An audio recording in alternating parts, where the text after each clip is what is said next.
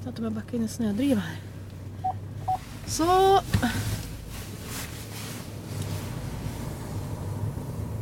Har du bälte på? Mm. Bra. Var ska vi någonstans nu Har du inte listat ut det? Nej. Jag fattar ingenting. Men om gissa då? Vi Alltså, är på vi- Östteg i Umeå nu. Ja, det enda jag vet på Öster är att det finns väldigt bra second hand här. PMU Gör second det? hand. Ja. Jaha. Asch då, det var inte dit vi skulle. Nej. Öster, vi ska till till flygplatsen. Ja! Jaha! Okej. Förstår du kopplingen? Nej. Det ska handla om kärlek idag. Ja. Det är en lyssnarfråga vi har fått. Mm. Att lyssnare vill att vi ska prata om kärlek och relationer. Och jag kunde inte tänka mig någon plats där man ser mer kärlek än på flygplatsen. Också mer irritation, stress, eh, tätt packade sillar. Men nu tänker du på avgångshallen. Men jag tänker på ankomsthallen. Det är sant. Jag älskar faktiskt ankomsthallen. Det är väldigt mysigt eh, att stå och ta emot dem där och också se andra som kramar om folk och hälsar dem välkomna. Och, ja, Jag gillar den grejen när man har... Jag är flygrädd för det första. Ja. Och så har man eh, suttit där och fått de här mackorna, har lite så här smulor i vecken på byxorna. Mm. Och eh, kanske någon liten kaffestänk. Ja. Och så är man lite så irriterad och uttorkad. ja. Och så går man ut och det blir iskallt. I alla fall nu i mitt i vintern. Och så bara glömmer man allt. Så fort man ser de där ansiktena på dem man älskar. Då känns det så bra. Jag tänker ju mest att själv vara den som kommer till ankomsthallen och eh, det är ingen som väntar utan man ska gå ut i en, konka ut sitt tunga bagage, ut i en kall bil som har stått över natten på flygplatsen, sätta sig, klockan är 23.30, man ska sätta sig och köra hem och det är mörkt och halt och man har klackskor som är jätteobekväma att köra i. Nu pratar ju du om ditt eget liv. Ja, ja, det är det jag tänker på med ankomsthallen. Det är inte så ofta jag... Jo, men jo. Jag tycker om Göteborg. Jag tycker om Landvetter. För då brukar ju Anna stå och möta mig där. Och mina systerdöttrar. Och det är väldigt mysigt. Men du får ju ändra på det här. Att du har promenadskor och så är det Jakob och pojkarna som står och tar emot dig här. Din inte det är svårt att få hit dem på natten. När jag kommer med en sen flight. Nu ska vi se, korttidsparkering tycker Ja, jag vi då tar. väl- För vi ska ju faktiskt ändå inte flyga själva. Ja men eh, snabb parkering här. Mm. På korttidsparkeringen Umeå flygplats så ska vi Har prata du- kärlek. Har du ringt och frågat om vi får vara här Erika? Nej men det frågar jag när vi kommer fram.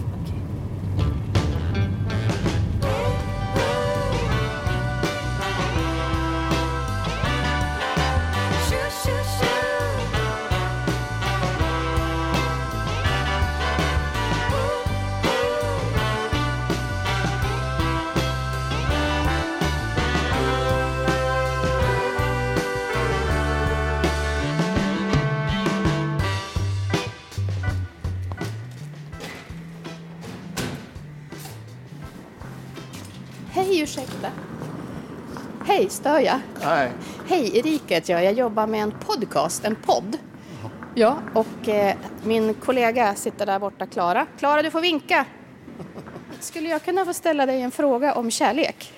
Jag får det. Ja, vad heter du? Anders. Anders. Hurtig. Vilket bra namn. Anders Hurtig. Vad tycker du är en eh, romantisk miljö? Oj, oj, oj. Du får tänka, det är ingen hets. Det är inte det eller? Nej. Nej. Det är väl när man är utomlands och lite sol och värme och lite mysigt. Har du något sånt där favoritställe du brukar åka till? Grekland är jädrigt mysigt på öarna. Har du någon favoritö? Naxos. Ah, vad är det som är så bra med den? Det är så blandat där. Det finns både lite odlingar och bra bad och allting. Har du något sånt där eh, romantiskt minne från Naxos? Det är så dåligt att prata om, Ja, du det visste, blir men du vill inte berätta. Okej, men eh, har du något sånt där, om du skulle tipsa någon som säger så här, jag vill åka till ett ställe med min partner för att det ska vara för kärlekens skull. Vad skulle du åka då? Tipsa om. Ja, men Grekland är bra att båtluffa på små öarna. Det är stämningsfullt.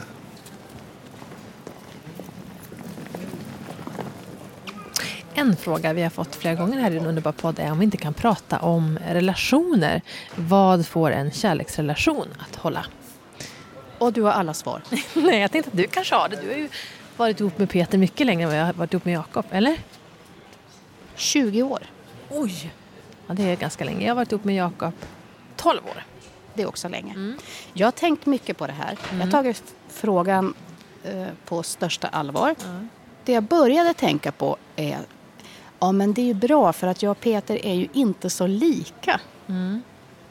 Jag är till exempel mer praktiskt lagd med såna här byggsaker och fixa hemmagrejer och sånt. Eh, nu ser jag på det att du tycker det är den mest oromantiska start på ett kärleksprogram. Nej, jag tycker det var jag, ungefär som jag tänkte starta också. Så. Ja, okej. Ja, nej, men och Peter är mycket bättre på såna här mer eh, tekniska saker. Alltså han har ingen teknisk rädsla och sen är det bara det att tar någon ena rollen, den ena rollen så må ju den andra ta den andra rollen. Men eh, sen blev jag lite osäker på om det är så himla bra att man är så olika. Vadå För det, ja, men eh, samtidigt är det ju så att om jag och Peter hade väldigt olika grundvärderingar, Mm. då går det riktigt åt helvete. Det är sån erfarenhet har jag. Det man vill vara olika på är att man vill kanske vara olika personlighets... Olika styrkor och svagheter. Det är jobbigt om båda är bra på samma sak, dåliga på samma sak eller båda blir arga av samma sak. Det kanske är bra att någon kan vara cool i situationen och när den andra blir, jagar upp sig så. Men däremot känns det ju väldigt viktigt att vara lika på värderingar kring ja, men, allt ifrån barnuppfostran till kanske politik till vad som är viktigt i livet. Så det är ju som, det är både och, eller hur ska jag förklara? Är du och Peter lika på det sättet då? En sak som jag är väldigt glad över att vi har lika uppfattning om är det här med tid. Ja. För båda är tidspessimister. Alltså vi är ofta ute i god tid på ett sånt här ställe, flygplatsen till exempel. Jag tror aldrig vi har kommit sent någon gång. Nej. Och är vi på gränsen så blir vi otroligt stressade. För vi vill alltid ha en god tidsmarginal. Ja. bra. Jag tror att det är, det är ju annars en sak som kan orsaka väldigt mycket konflikter. Just med tid och kanske med pengar också, tänker jag mig. Om man har olika uppfattning där. Hur då? Nej, men jag tänker om man är en sån som liksom är jättenoga kanske och vänder på varje öre och håller, håller koll och så har man en partner som bara spenderar och inte, och inte tycker det är så noga. Det kan också vara tror jag, en källa till irritation för det är ganska laddade viktiga saker ändå. Ekonomin och eh, faktiskt tider. Det är ju en sån social grej också. Om man har en man som alltid ska ställa sig i duschen precis när man ska gå på middag eller fara ut och jogga precis när man ska iväg till några kompisar. Det kan ju vara ganska jobbigt. De här, de här exemplen som du nu drar låter lite grann som att du kanske har varit med om. Nej, men e- egentligen tror jag jag och Jakob är nog också ganska lika på tids... ehm, eh, vad gäller tid. Jag tror inte vi är så irriterade på varandra så ofta. Vi är, lika, vi är lite likadana. Vi är också lite tidspessimister. Det betyder dock inte att vi är i tid, utan vi kan ändå vara sena. Men eh, jag blir ju väldigt irriterad på min stora syster som är en tidsoptimist. Och jag tycker liksom, hur kan du tro att du ska hinna de här sakerna? Det kommer aldrig gå. Och så blir jag jättearg för jag tycker att hon gör planer som är orimliga. Och jag gör rimliga planer tycker jag. Då. Men jag kan ju vara för pessimistisk på andra sidan. Men jag visste inte att du var en tidspessimist. Du tänker att jag är alltid sen. Så att... När det är typ en halvtimme till att vi ska göra någonting, då kan du ändå bara locka håret. Nej men jag vet inte. Nej men, jag... Nej, men du är ju inte rädd för att sladda in. Nej det är jag inte. Nej sladda in kan jag göra. Fast jag, med flyg och sånt där då är jag väldigt noga med att då, och jag alltid när jag ska, liksom, om jag ska till Stockholm så gör jag ju ett, en, ett punktschema med klockslag vart jag ska adresser och vilken ordning jag ska. Så, sånt är jag noga med liksom. Du kommer hata att jag säger det här, men en av anledningarna till att du tycker att det är jobbigt att vara i Stockholm, det är att du har alldeles för lite luft mellan dina punkter. Det är faktiskt det.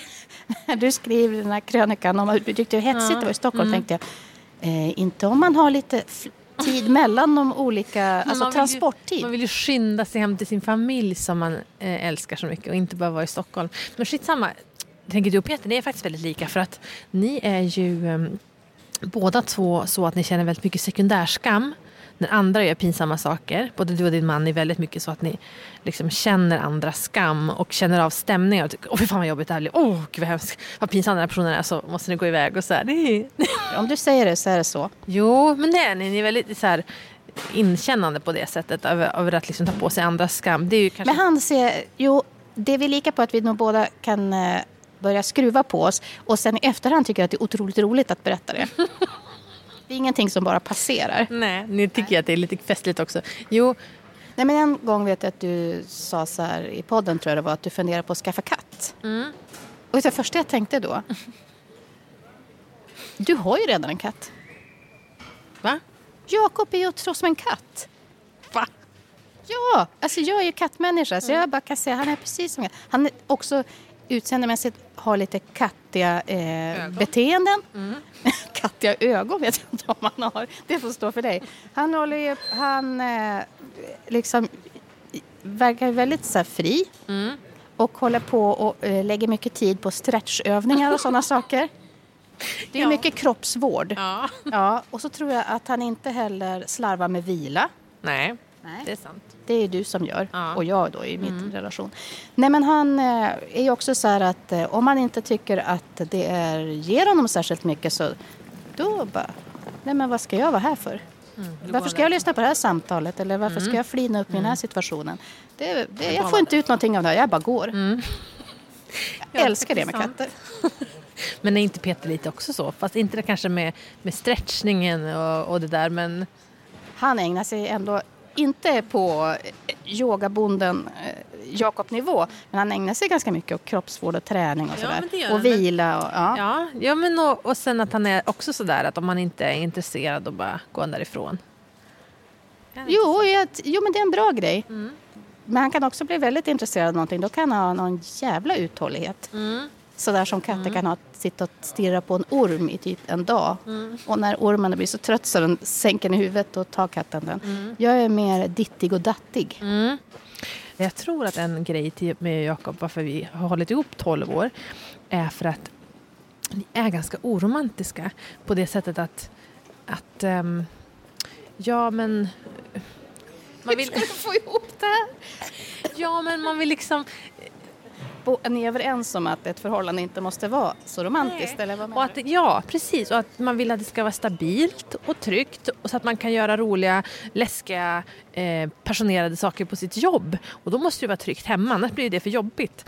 Och liksom sådär att, ja, och ganska krasst också att, ja, nej men alltså, det tror jag, det har vi pratat om någon gång också, att, ja men alltså, nu, men jag, nu skulle jag kunna bli kär i någon annan, det skulle Jakob också kunna bli, men man är väldigt högmedveten om att, ja men sen skulle det gå två år och sen skulle den nyförälskelsen ta slut och då skulle man känna samma sak igen för sin nya partner som man känner för sin gamla, att om, om man liksom stör sig på saker och så.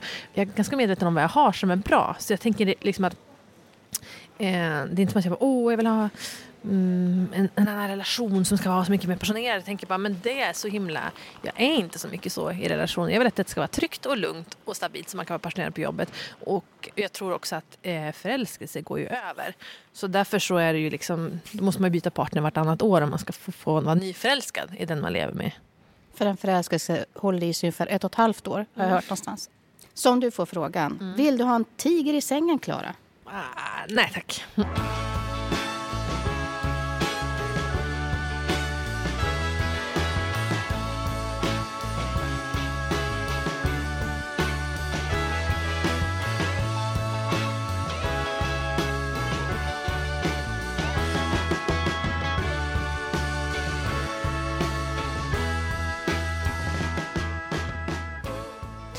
Det som är svårt när man får barn är ju det här att man liksom tävlar om vem det är mest synd om. Jag har inte sovit natten. Ah, men jag sov ingenting förra natten. Då, då hade jag ändå inte sovit natten innan dess heller. Ja, fast jag lämnar dem. Fast ja, fast jag lämnar dem ju. Jag lämnar dem. Alltså vet den här tävlingen vem det är mest synd om. Och då man liksom istället för att bekräfta den bara, åh gud vad jobbigt, alltså stackars dig att han skrek så mycket natt och att du fick ta den natten. Så liksom ska man bara kontra med, för man känner sig hela tiden att den andra är skuld till en och man hamnar i liksom en, en skuldrelation till varandra. Vem, vem är det mest synd om och vem står i skuld till vem? Och att det, när man Det här har du pratat ganska mycket om. När du, att du säger det där, när man vaknar sent en lördag morgon och har fått sova ut. Det är skönt, men då står man direkt i skuld. Men det blir lite att s- aktiebolag... Eh, visst heter ni Lidström båda två? Ja, aktiebolag Lidström. Eh, familjekoncernen då, där man inte har betalat sin del i arbetet. Mm. Ja, och då, och då liksom att... Och det är det som är så himla svårt, men att vara den då som är... Att vara liksom snällare än vad den andra förtjänar. Det kan ju, det kan ju behöva hålla på med ganska länge för att vända, om man har fastnat i att man bara är, det är bara en tävling om vem det är synd om. Att Men hur löser du det då? Nej, men jag tror man får bestämma sig själv. Och det behöver man inte komma överens med sin partner utan bestämma sig själv. Nu ska jag vara en stor människa här. Och inte bara i fem minuter utan kanske i fem dagar och vara så här oj vad jobbigt för dig och, och stackars dig som behövde göra det. Och, kan jag hjälpa dig på något sätt? Alltså var, var sådär som man är mot kompisar när de mår dåligt istället för att bara, ja men när du berättar för mig att du har att din utmattning har varit, det kommit som en backlash och du har ont i, eh, din, du har reumatiska besvär och allting. Då sitter inte jag och bara, men jag då? Men alltså tänk på mig då, jag har ju faktiskt, alltså, så, så gör man ju inte. Men i en kärleksrelation kan det ju vara så att man liksom, man ska övertrumfa varandra i vem det är mest synd om. Och då kan det vara väldigt, om man bryter det där genom att själv vara liksom, gå med på det att det är mest synd om dig, nu ska jag trösta dig och hjälpa dig. Så här, då, för då kan man känna sig väldigt sedd som partner. Att åh, jag fick den där trösten. Jag fick, det där. Jag fick bli sedd i att det var jobbigt att vara uppe hela natten med barn som skrek eller vad det nu kan vara. Men, sen, Men det du säger att liksom beröm och förståelse funkar väldigt bra. Det, kan jag, det känner jag ju igen. Mm. Alltså, om jag får förståelse mm. eller beröm. Åh, vad mm. bra att du fixade eller mm. du tog hand om det. Det lever jag ju länge på. Mm. Eller hur? Och, att, och att det gör man ju ofta. Man är ju lite för lite artig med varandra. Eh, kan jag tänka ibland. Och att man är mer artig med folk man har lite mer distanserad relation till. Och därför så säger man de där sakerna. Tack för att du gick ut med soporna. Eller tack för att du skickade mail, jobbmejlet som vi, som vi båda behövde skicka. Tack för att du gjorde Alltså, så är jag ju med mina jobbarkompisar. Men, men så kan man ju vara hemma också. En sån där insikt, tänker jag, det är ju att det går inte att ändra på någon annan. Man måste, kan bara ändra på sig själv och hoppas att den personen på grund av ens egen förändring kommer att ändra på sig. Och en, ett sånt exempel är att liksom, eh, när man tycker att ens partner är jättetråkig och har sur attityd och ingen, ingen rolig att leva med. Bara, men hur kul är jag? När, tog, när var jag glad senast och tog initiativet och gav beröm? Och liksom, att, att liksom, eh, ja, istället för att bara vara en kravmaskin gentemot sin partner, bara, vad kan jag göra? Vad, vad, liksom, vad kan jag, hur rolig är jag att leva med? Och vara ganska krass då. Och då kommer man ofta på att nej, men jag är ju stackars min partner som behöver leva med. Så kan jag känna i alla fall. Att stackars min man. Och så skärper jag mig lite grann och så kan man liksom rulla igång en bättre en utveckling. När tänker du så? Ja, men när jag har för mycket att göra. För jag blir ju, det är inte bara det att jag liksom går in i det utan jag blir också väldigt sur och tycker att, att mat är väl en världslig sak och städning är väl en världslig sak. Varför kommer inte att störa mig med det nu när jag håller på med det här? Så då blir jag ganska ego och också ganska sur och liksom jag tycker den här tiden på året är väldigt svår. Jag kan se mig själv när jag går upp på morgnarna och så har jag så ofta ont i kroppen så jag går som om jag är för hundra år. Mm. Och det, på det är det bara en stor härva av sånt här vinterhår med, mm. med fetiga striper. Och den glåmighet mm. som kan uppträda i ett januariansikte är ju liksom inte att leka med. Och då kan jag bara titta på mig själv och tänka så här ibland. Men vad fan ser han i mig? Ja oh, men gud. Alltså, men det är ganska nyttigt ändå att mm. tänka så tycker jag. Att inte bara så här, men eh, måste han eh, ställa skorna si mm, eller mm. eh, varför är det mm. ställt ett tomt eh, mjölkpaket i kylskåpet mm, eller vad det än må vara. Vad fan ser han i mig? ja, men faktiskt är det lite så. Det kan jag känna som jobbar så mycket hemma och då liksom går hem, hemma i långkalsonger och nattlinne på dagarna det är ganska svårt att se på sig själv som en attraktiv person. Det menar jag inte liksom fysiskt attraktiv nödvändigtvis, men en attraktiv personlighet om man om man såsar på och är på dåligt humör och inte ens har satt upp håret. Eller, man vet. Så det kan jag känna det kan vara väldigt nyttigt att komma ut, träffa folk och ja. Nu kom det ett gäng här som ställer sig och väntar på någon. Jag tror jag försöker gå och prata med dem. Oh. Kan du under tiden fundera ut? Jag tänkte vi, mm. jag tänkte vi skulle köra en lista så här. Mm. Tre grejer som kan få en relation att mm. hålla. Vad vi själva erfar. Mm. Kan du fundera på dina tre? Ja. ja. Hej, vad heter du? Jag heter Eugenia, hej. Och du är här med? Med min syster och systers dotter. Ah, en väldigt eh, härligt gäng ser ni ut att vara. Ja. ja. ja. Vad, vad ska ni göra här på flygplatsen? Ja, alltså vi väntar på eh, flygplan. De ska åka bort Liksom, de har varit på besök här på tio dagar och nu de åker tillbaka till Ryssland. Mm, Okej, okay. hur känner du då, då? Ja, jag är ledsen men vi har det jättebra tio dagar tillsammans. Ja, så jag kommer att sakna dem jättemycket. Hur ofta träffas ni då? Ja, det var ju första besök på tre år. Så det är inte så ofta. Men vi brukar träffas på sommaren i Ryssland. Okej, okay, mm. vad heter systerdottern här? Lada heter hon. Lada? Ja. Hej Lada! Hon kan, kan ett mycket viktigt svenskt ord i alla fall. Eh, men eh, vad brukar du ha för känslor när du står här? Ja, alltså precis. Menar du den flygplats eller? Ja, när du är på roll. flygplatser. Ja, det- den är ju förvänt, förväntningsfull plats. Liksom. Man, det är så mycket folk och man ser hur man träffas och kramas och pussas och är så lyckliga. Och, eller tvärtom, när man säger hej då till varandra, så är ledsen och gråter. Den är mycket känslo, känslomässigt plats. Vad tror du det blir för dig idag då? När du ska säga hej då här om en stund.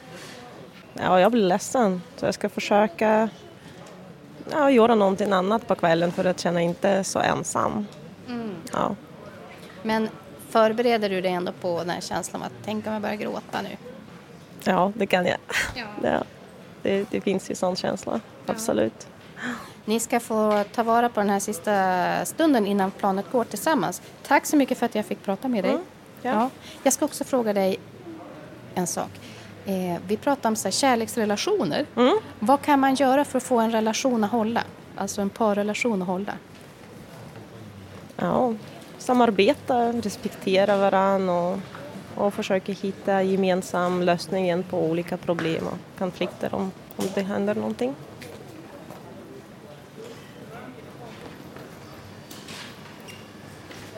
Hörde du vad vi pratade om? Nej.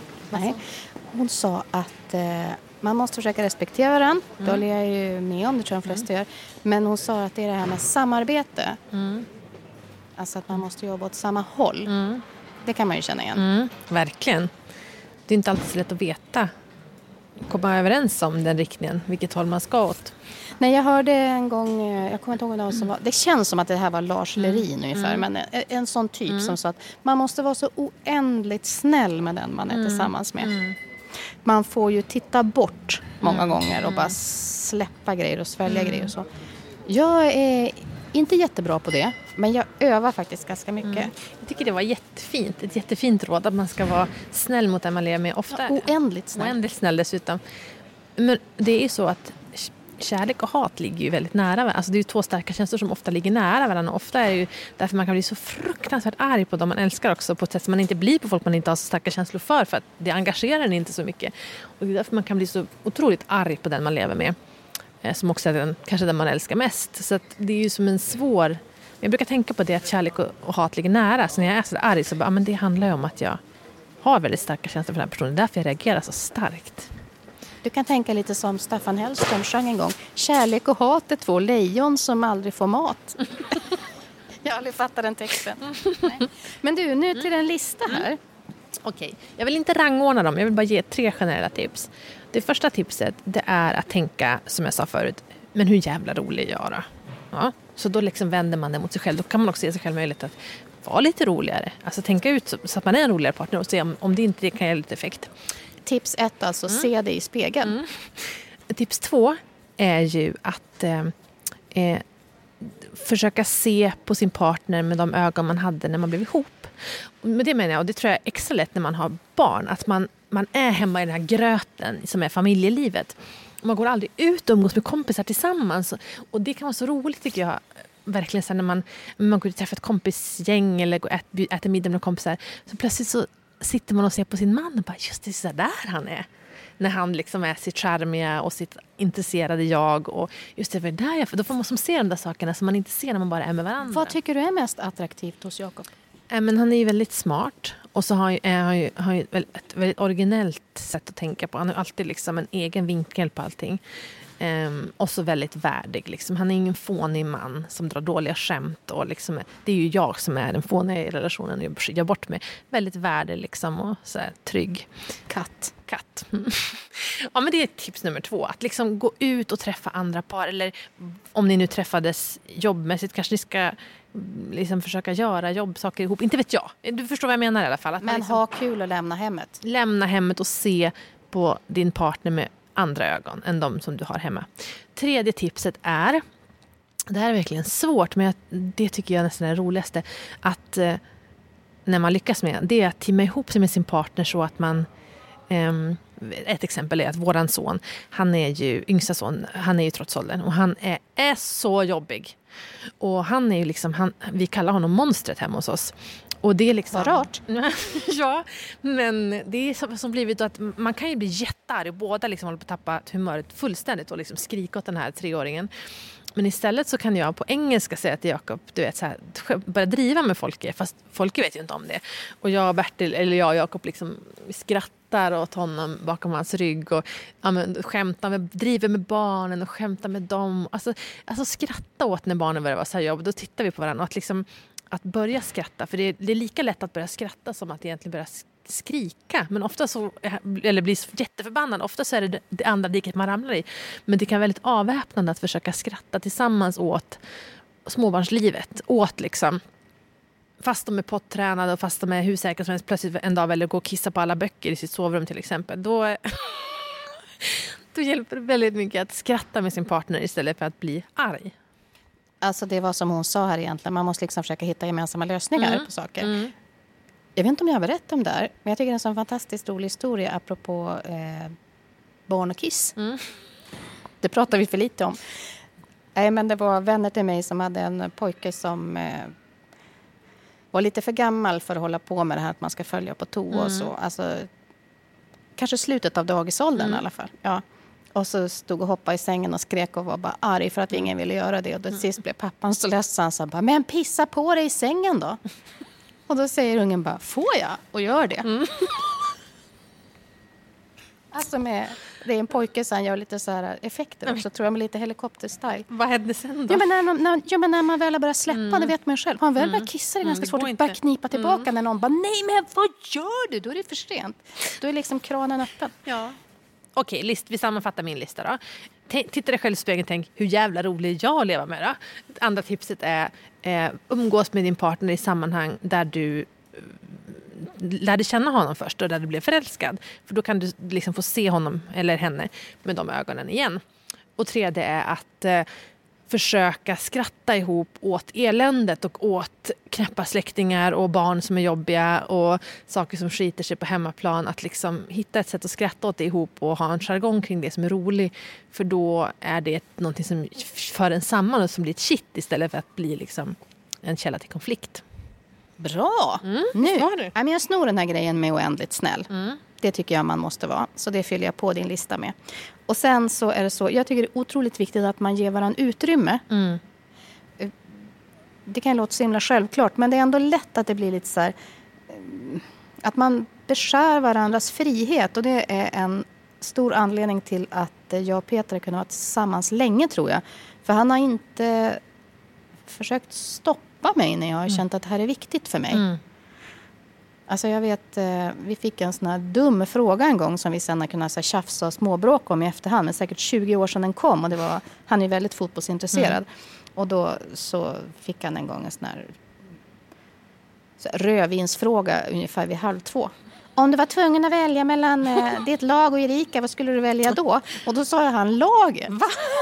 Det vi då bråkade om att jag bara, det hade varit kul om du inför våra vänner kunde säga mig, även om du sk- tyckte så ungefär. Nej, men han menade att ja, men han tänkte att i den frågan så låg det att jag skulle säga det som ett ultimatum. Du får välja mellan mig eller laget. Och då tyckte han att jag skulle vara så Ja, det skulle vara så hemskt. Ja, det att då förstår ska jag säga, vad är det här för människa? Så om Erika gjorde så så skulle jag ju inte kunna välja henne, så menar han. Ja. Jag tycker det var en jättebra punkt Erika. Om vi nu ska säga någonting om, nu har vi pratat om att våra dåliga sidor lite grann. Att varför vill de leva med oss? Så jävla kul jag lever med. Så tänker jag att det där är en sak som jag tror att du har det och jag har det också. Jag är faktiskt också en väldigt, en väldigt mycket så mot min man. Men jag vill starta en yogaskola, men gör det. Men jag vill plugga utomlands, men gör det. Alltså, jag vill träffa mina killkompisar och göra det här, här men gör det. Alltså, jag är väldigt mycket så här, gå och gör det som får dig att må bra. För om du mår bra så är du en trevligare person att leva med och då mår jag bra. Och så har Jakob varit väldigt mycket också. Eh, ja, men jag vill göra det här och det här. Ja, men se till att det blir så då. Eller jag vill träffa mina kompisar, jag vill vara iväg på resa. Ja, men det är klart du ska göra det. Att vara bjussig på det sociala, att den andras frihet och liksom uppmuntra till det. Eh, det en väldigt fin egenskap. Den tycker jag att jag har faktiskt. Och den har min man också. Och jag tror att du och Peter har det. Och det är nästan kanske en av de viktigaste sakerna för att man ska orka leva med den. För Ja, det är man ha- tråkigt om partnern är så här, men kommer du klara det? Ja, Ja. okej. Eller, men alltså Erika nu, eller mm, Men alltså du har ju fått träffa dina kompisar jättemycket. Jag tycker att det verkar ju som att, alltså, ja men att man börjar hålla räkning på sånt. Jag, liksom, jag tycker att in, grundinställningen måste ju vara att om den man lever med är glad och mår bra så blir ju det bra för mig också.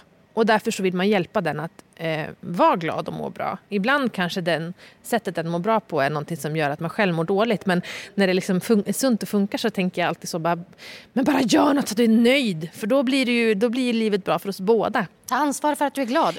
Men det, har ju, det ska jag säga, det är ju det som Jakob har sagt mest till mig. Men du får ju själv ta ansvar för eh, liksom att du är nöjd. Nu har du en, en, situation som inte är bra. Nu måste du ordna den på något sätt. Jag stöttar dig i det men du måste ordna det för att det är bara du som kan ta ansvar för det. Det är ganska tough love och det är, det är kanske inte alltid det man vill höra för man vill höra Åh stackars dig som har hamnat i den här situationen. Alltså han är ju katt.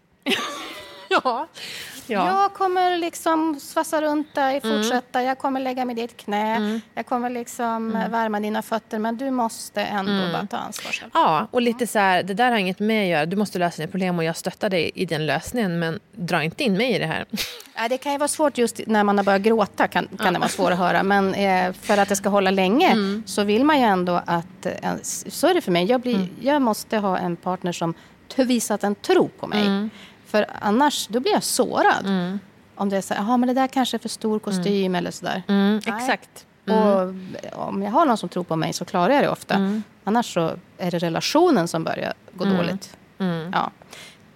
Alltså, när vi pratar om det här så det här att man ska ge varandra frihet mm. så har jag tänkt väldigt mycket på svartsjuka. Mm. Varken jag eller Peter är särskilt svartsjuk. Mm. Och jag har förstått att jag skulle inte fixa en svartsjuk partner. Nej.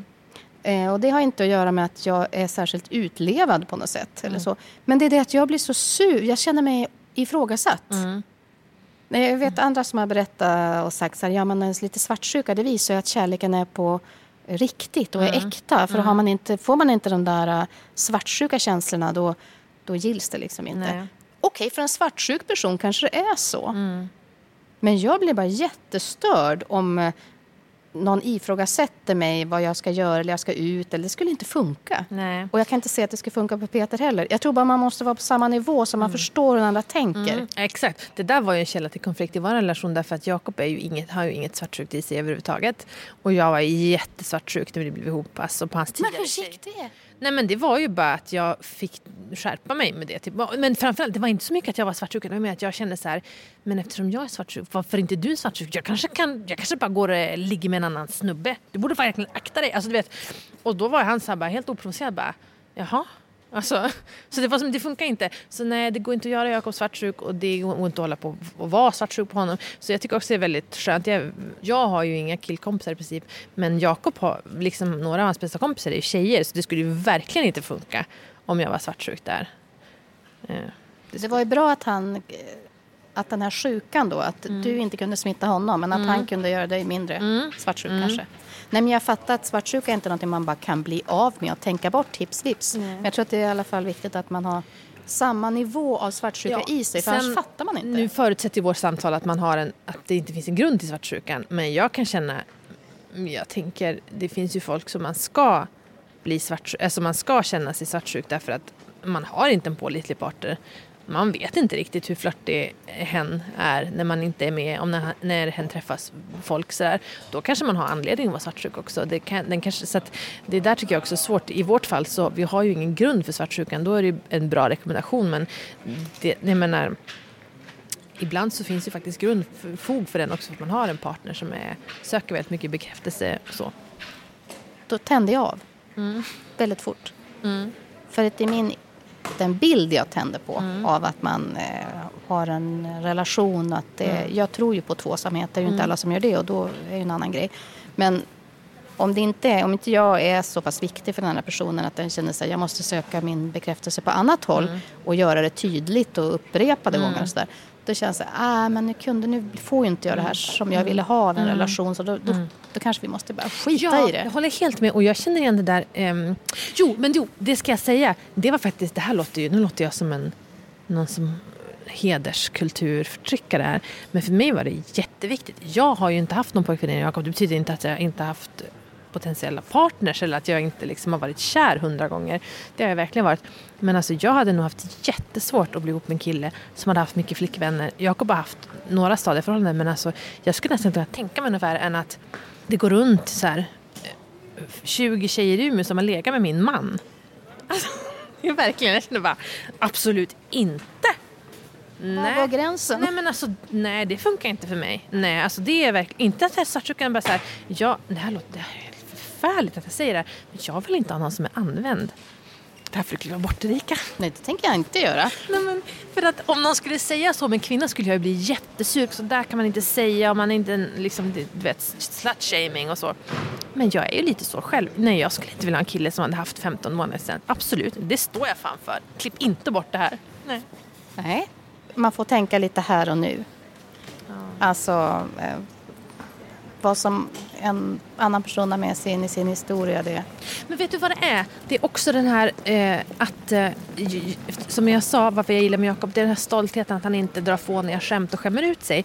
Och det är verkligen viktigt för mig. Om min man var en sån som kunde bli skyldig till lite metoo-grejer och var lite, inte allvarliga saker, men lite för flört och lite för slams, lite på. Då ska jag bara känna, men du, din lilla slampa.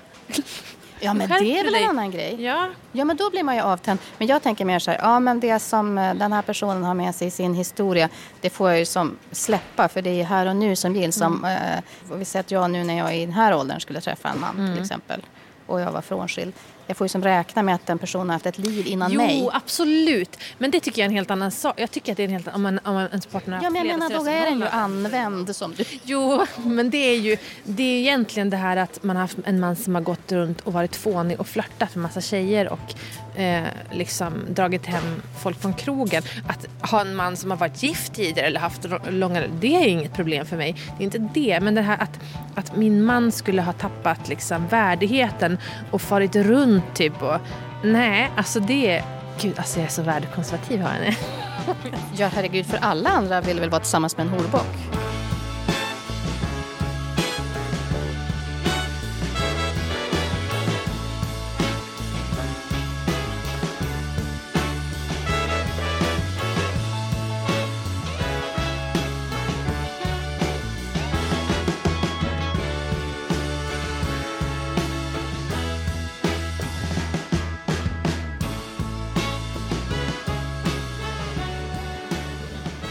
Nu, visst, nu är det Ja, det kommer de. Norwegian landar. Kolla, kolla det här barnet.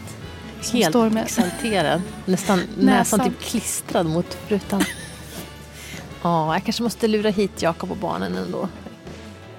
Eller? Ja, det är klart att du skulle vilja se såna här små armar stå och veva upp och ner och såna här små studs i knäna. Ja, Eller vet det var söt. Ja, gungar av glädje. Mm. Det är kärlek. Det är kärlek.